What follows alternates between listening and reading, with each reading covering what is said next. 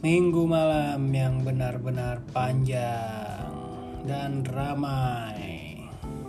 Ramainya mungkin bukan karena Eredivisie ya. Tapi pertandingan lain di Premier League antara Manchester United dan Tottenham yang berakhir dengan skor besar 6-1 untuk kemenangan tim tamu yaitu Tottenham.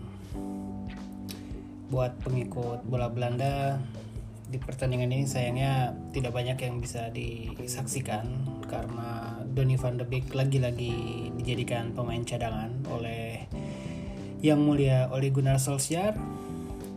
Sementara Steven Bergwijn tidak masuk skuad Tottenham sama sekali. Dan ternyata cedera cedera hamstring yang membuatnya juga harus absen di uh, laga lanjutan timnas Belanda ya uh, pada international break sepanjang pekan depan. Nah, untuk Eredivisie, ini khusus Eredivisie dong. Ini kan podcastnya Eredivisie, kenapa bahas yang lain? Salah satu pertandingan yang tersaji di minggu malam adalah tentu saja Groningen lawan Ajax yang berakhir dengan kemenangan Groningen 1-0. Ini pertandingannya ya gimana ya sebagai yang mendukung Ajax. Bikin ngantuk dan tidak tidak inspiratif permainan dari Ajax. Kelihatan tanpa Kudus ini Muhammad Kudus maksudnya. Tanpa Muhammad Kudus Ajax seperti nggak bisa ngapa-ngapain atau kreasi mereka dari lini kedua sangat-sangat kurang. Dan saya tidak melihat adanya perkembangan berarti ya Alvarez sebagai gelandang bertahan. Karena atau gelandang di nomor 8 ya. Karena posisinya ini semacam poros kembar bersama Garvan Berch uh, untuk pertandingan ini. Dan kalau melihat beberapa penampilannya di awal musim ini dipasangkan dengan siapa pun Alvarez tampak tidak tidak berkembang, tidak bisa berkembang. Dan sebenarnya Kudus pun bisa menjalankan fungsi Alvarez dengan baik. Nah, gol kemenangan Groningen diciptakan pada awal babak kedua melalui pemain muda mereka bernama Rimko Balk. Umur 19 tahun dan ini adalah gol pertamanya di level senior. Luar biasa ya. Gol dihasilkan uh, melalui bola muntah dan Remco yang bermain sebagai sayap kanan bebas untuk meletakkan bola muntahan tepisan dari Andre Onana ke dalam gawang. Groningen bermain sangat baik, sangat kompak. Lini pertahanan mereka tidak banyak memberikan celah kepada para pemain Ajax sehingga ya mungkin uh, Kudus nggak main jadi tersisa pemain kreatif Ajax lainnya paling kreatif lainnya adalah Anthony. Dan Anthony sering sekali di double cover oleh pertahanan kiri Groningen.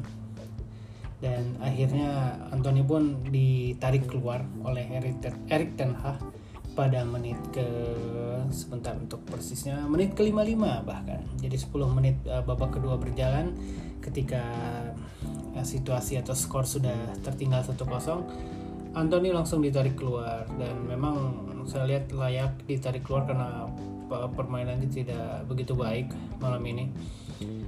Digantikan oleh David Neres yang sayangnya juga tidak mengangkat permainan dari Ajax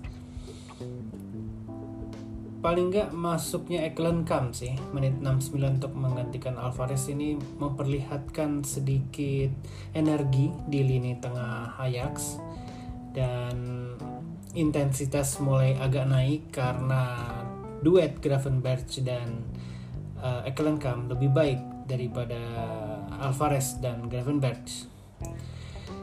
Namun sayangnya Ajax memang tidak bisa menyamakan kedudukan meskipun sudah memainkan Huntelar kemudian menggantikan Labiat dengan Traore tapi tetap saja nggak bisa untuk mencari gol ke gawang Sergio Pat.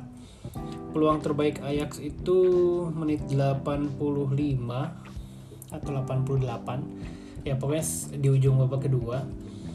Uh, ketika dua peluang beruntun menghantam Mister pertama sundulan dari Dusan Tadic kemudian bola mengenai Mister disambar langsung dengan tendangan volley oleh Huntelaar lagi-lagi menghantam Mister yang sama 1-0 untuk Groningen dan Ajax sekarang harus berada di posisi kelima klasemen dengan 9 poin dari 4 pertandingan.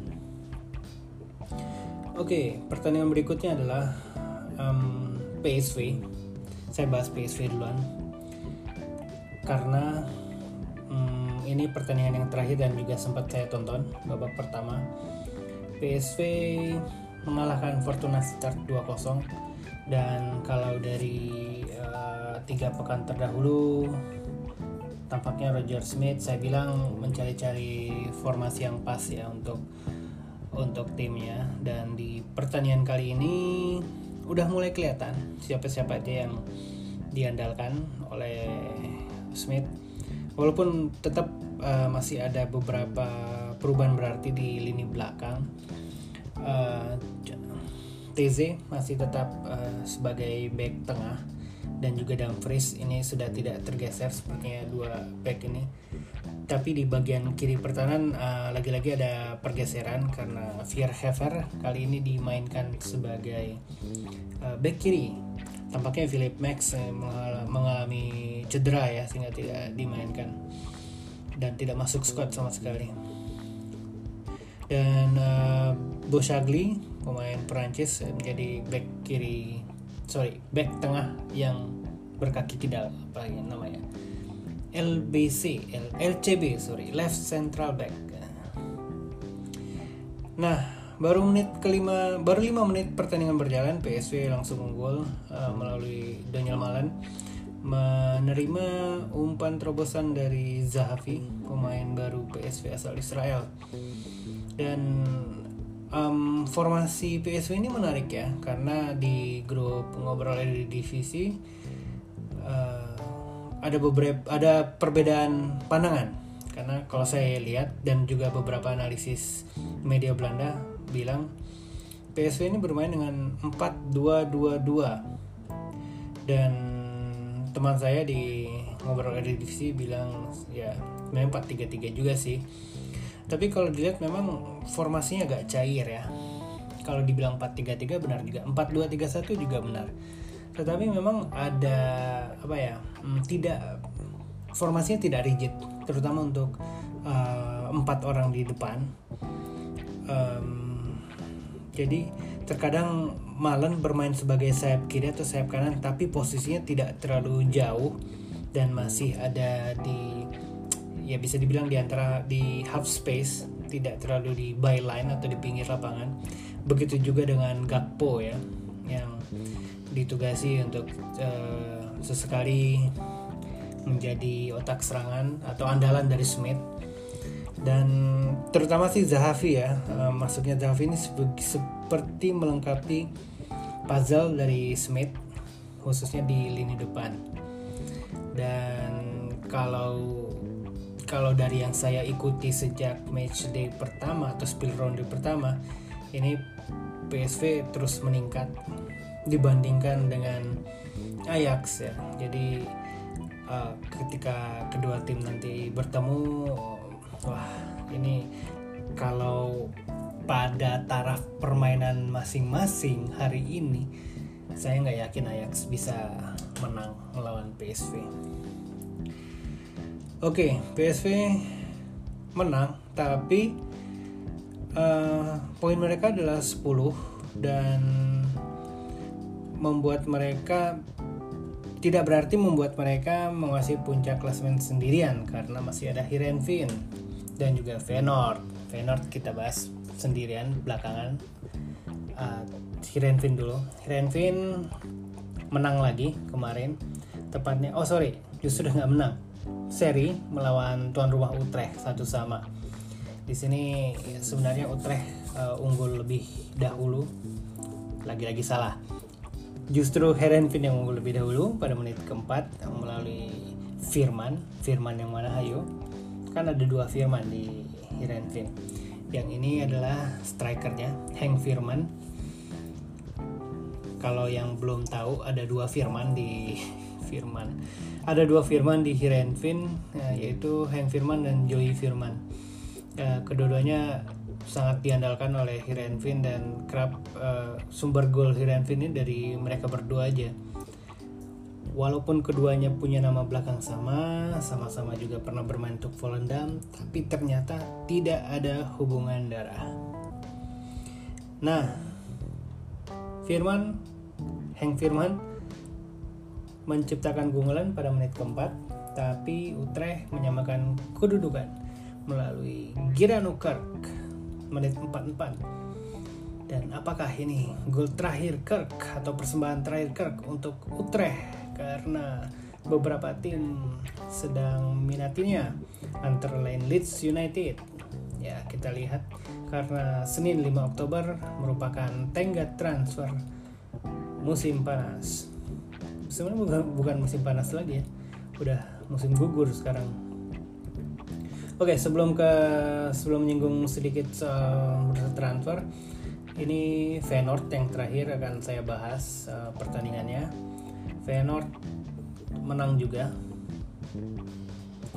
4-1 melawan tuan rumah Willem II. Defaultnya Feyenoord adalah tertinggal lebih dahulu dan terjadi juga ketinggalan lagi uh, melalui gol Pavlidis penyerang tajam Willem asal Yunani menit 13 tapi kemudian disamakan oleh uh, back kiri bernaluri menyerang Feyenoord yaitu Ritgesiano Habs menit 22.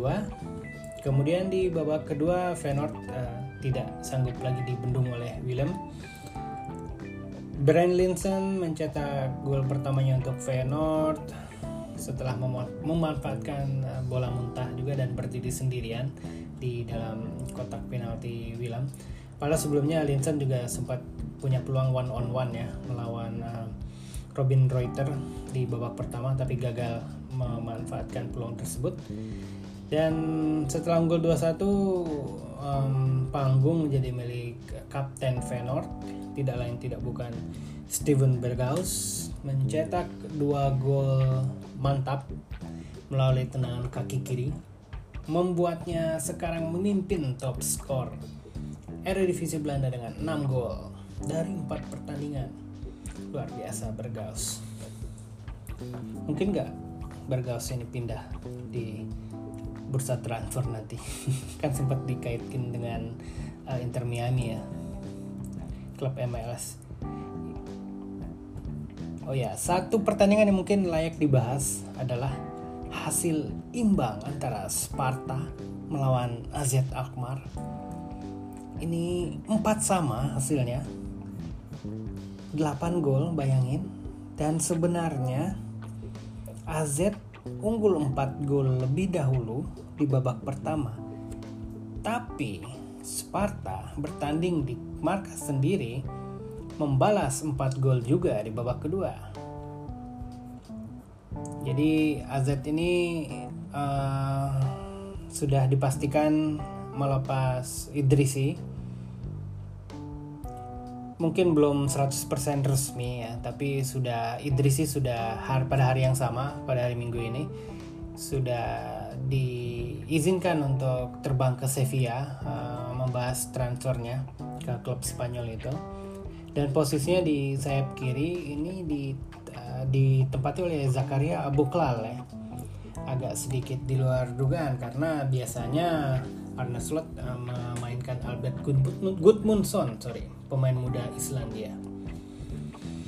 Nah, Abuklal tampil cemerlang menciptakan dua gol pada pertandingan ini dan juga dua gol lain AZ diciptakan oleh Dani Blanco alias Dani Dewit bermain di sebagai posisi nomor 10 sesuai dengan nomor punggungnya dan sebenarnya AZ bisa unggul 5 gol kalau saja eksekusi penalti Cup Miners tidak menghantam Star.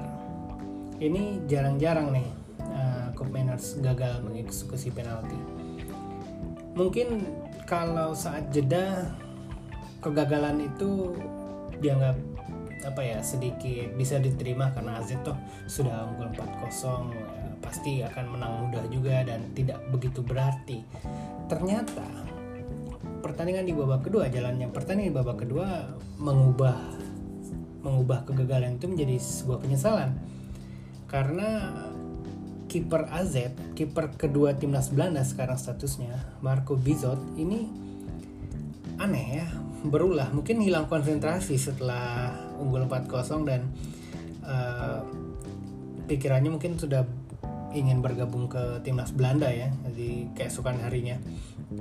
Sehingga dia melakukan kesalahan konyol menit 55 jadi kejadiannya adalah dia melakukan uh, tendangan gawang di jarak dekat berdiri Kup Manners tapi mungkin arah bola terlalu pelan sehingga hendak dikejar pemain lawan nah kemudian Bizot menangkap bola.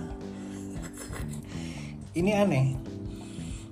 E, mungkin pada saat teman-teman mendengarkan podcastnya sudah melihat e, videonya, rekaman videonya. Ini benar-benar ajaib.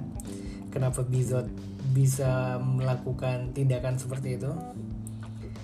Ya, tapi yang pasti ya, wasit langsung memberikan kartu kuning, jelas saja ya, karena itu uh, memang melanggar peraturan dan tendangan bebas dari jarak 6 yard saja atau kotak 6 itu kotak kecil kotak penalti yang kecil itu yang biasa menjadi area kiper. Dengan jarak seperti itu uh, Sparta mencetak satu gol balasan gol pertama mereka melalui Harui.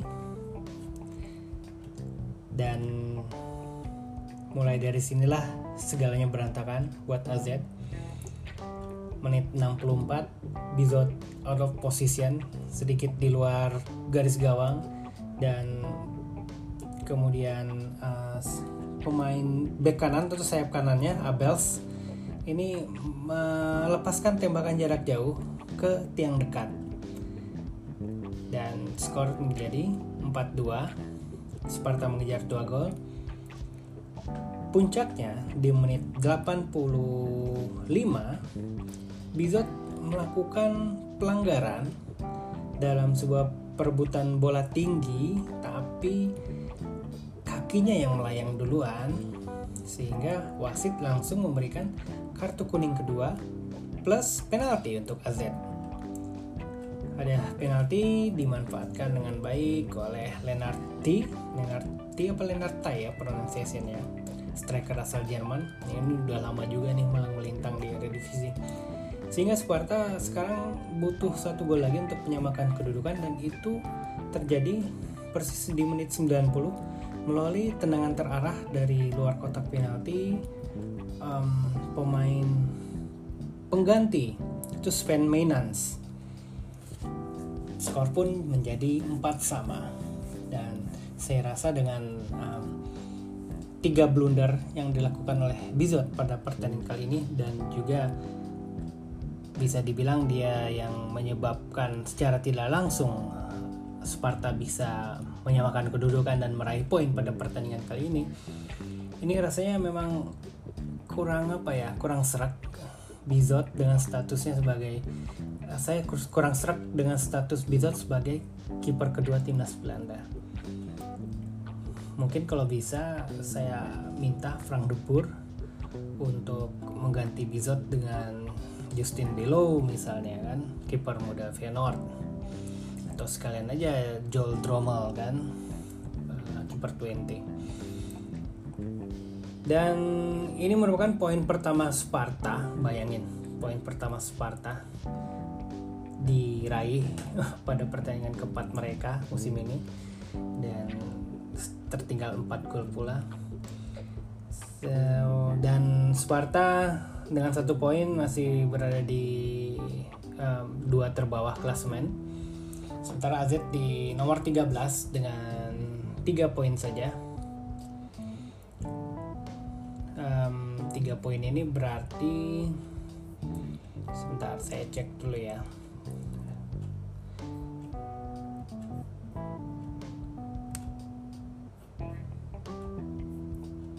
Ya, tiga poin ini berarti AZ belum pernah menang sama sekali, tiga kali bermain imbang dan rekor golnya 8 sama. Ah, AZ AZ. Kemudian posisi puncak di tempat oleh Feyenoord yang bersama PSV dan Heerenveen mengumpulkan 10 poin tapi Feyenoord ya, menang selisih gol 11 lawan 4 atau plus 7 sementara PSV plus 5 bersama Hirenvin juga plus 5 tapi PSV lebih eh, banyak mencetak gol.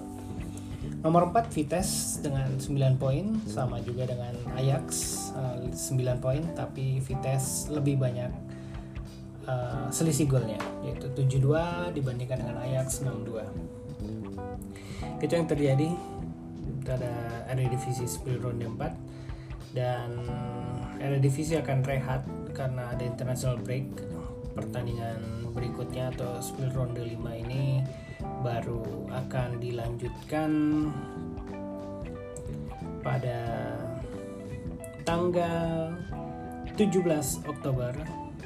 Ajax melawan Heerenveen langsung rame nih pertandingannya. Kemudian nanti Feyenoord akan menghadapi derby melawan Sparta sementara PSV akan bertandang ke markas Zwolle.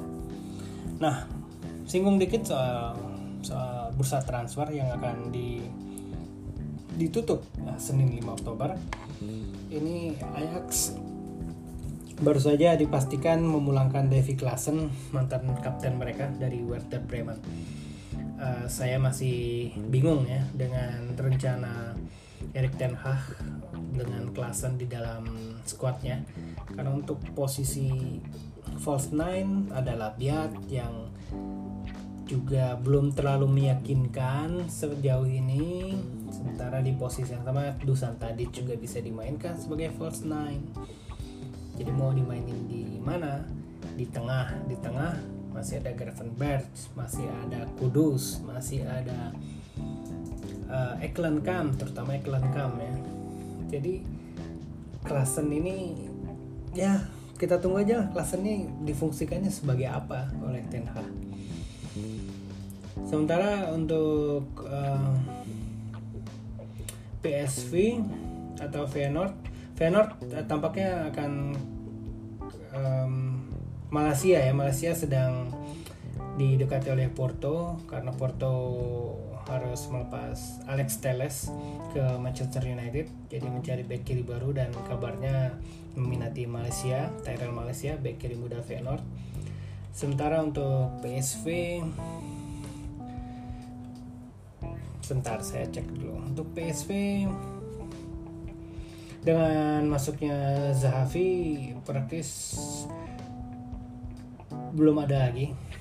Sejauh yang saya tahu ini belum ada lagi um, pemain baru yang sedang mereka incar tapi uh, setidaknya dua pemain mereka ya diminati klub lain seperti Bruma dan juga Jorrit Hendricks gelandang 25 tahun yang sudah hitungannya sudah senior di PSV.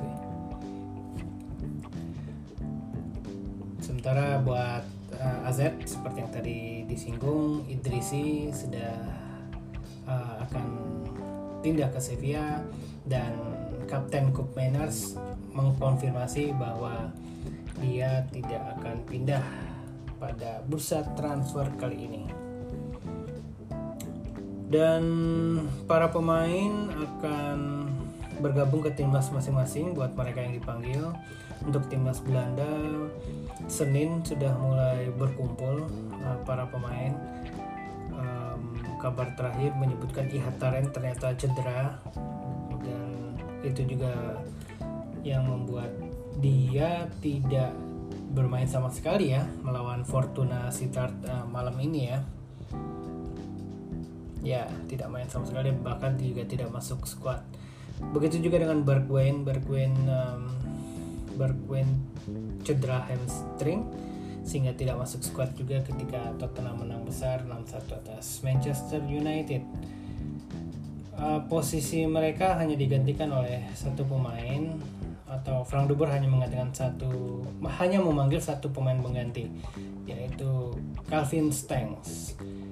Meskipun juga Calvin Stengs tidak bermain pada pertandingan malam ini AZ melawan Sparta karena karena menerima kartu merah kan pada pertandingan sebelumnya kartu merah langsung.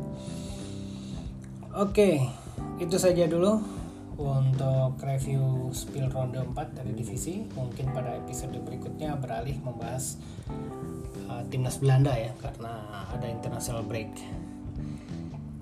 Terima kasih sudah mendengarkan dan sampai jumpa di episode berikutnya.